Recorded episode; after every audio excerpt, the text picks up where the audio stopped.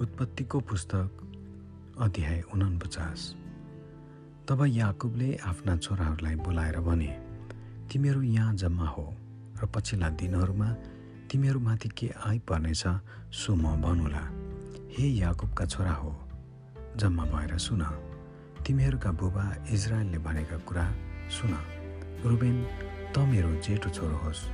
मेरो शक्ति र मेरो बलको पहिलो फल गौरव र शक्तिमा र सर्वप्रमुख। पानी जस्तो चञ्चल त तेरो प्रतिष्ठा कायम रहने छैन किनभने तेरा बुवाको पलङमा त चढिस् र त्यो अशुद्ध पारिस्। त मेरो ओछ्यानमा चढिस्। सिमियोन र लेबी दाजुभाइ हुन्। तिनका तलवार नै उपद्रवका हतियार हुन्। ए मेरो प्राण तिनीहरूको सभामा नआइज तिनीहरूको सङ्गतमा नलाग। किनकि आफ्नो रिसमा तिनीहरूले मानिसहरूलाई मारेका छन्। तिनीहरूले आफू खुसी गरेर गोरुहरूका डोर्नुन्साम काटेका छन्। तिनीहरूको रिसमाथि श्राप परोस् किनभने त्यो भयानक छ र तिनीहरूका क्रोधमाथि किनकि त्यो निष्ठुर छ। तिनीहरूलाई म याकुबमा छिन्न भिन्न पार्नेछु र इजरायलमा तितर बितर पार्नेछु।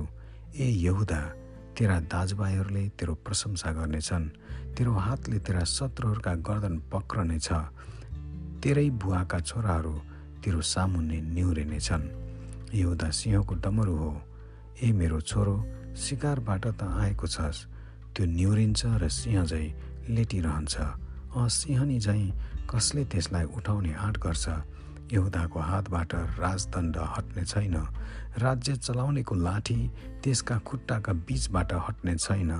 जबसम्म त्यसका मालिक आउँदैनन् र जातिहरू उहाँको आज्ञाकारी बन्नेछन् त्यसको गधालाई दागको बोटमा र गधाको बछिटोलाई चाहिँ उत्तम जातको हाँगामा बाँध्नेछ। त्यसले आफ्ना लुगाहरू दागमध्येमा आफ्ना पोसाक अङ्गुरले अङ्गुरको रसमा धुनेछन्। त्यसका आँखा दागमध्येभन्दा गाडा र त्यसका दाँत दुधभन्दा सेता हुनेछन्। जुबलुनको बास समुद्रको किनारमा हुनेछ।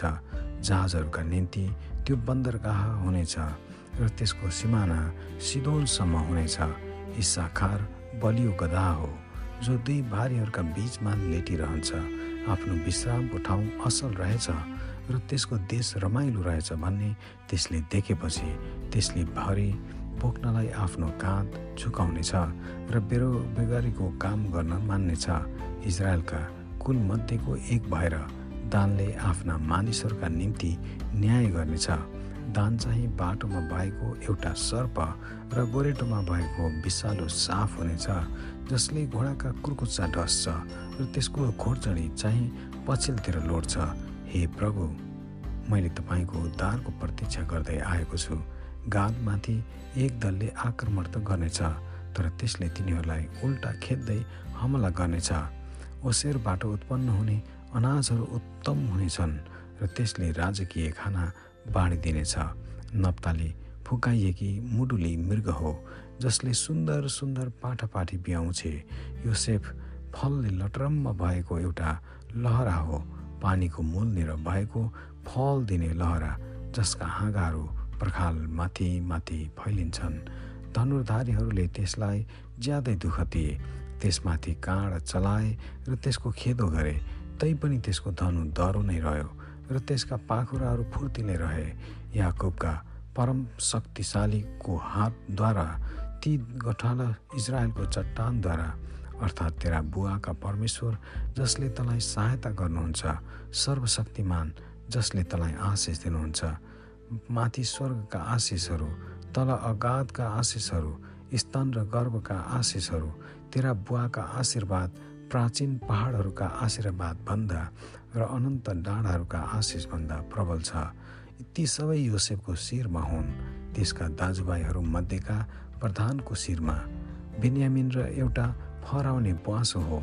बिहान चाहिँ ल्याएको शिकार त्यसले खान्छ र बेलुकी चाहिँ त्यसले लुट बाँड्छ। यी सबै इजरायलका बाह्र कुल हुन् आफ्ना बुवाले तिनीहरूलाई आशीर्वाद दिँदै भनेको कुरा यही हो। प्रत्येकलाई तिनले सुहाउँदो आशीर्वाद दिए। तब तिनले तिनीहरूलाई यो आज्ञा दिए म त तेरा मानिसहरू कहाँ मिल्न जान चाहने लागेको छु।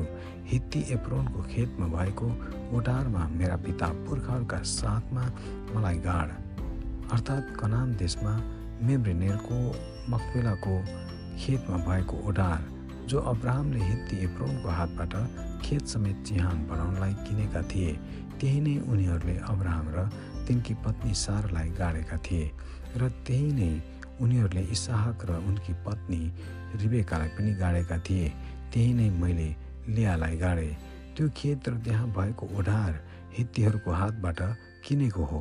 छोराहरूलाई यो आज्ञा दिइसकेपछि याकुबले आफ्नो खुट्टा ओछ्यानमा पसारेर आफ्ना प्राण त्यागे र आफ्ना पिता पुर्खाहरूसँग मिल्न गए। आमेन।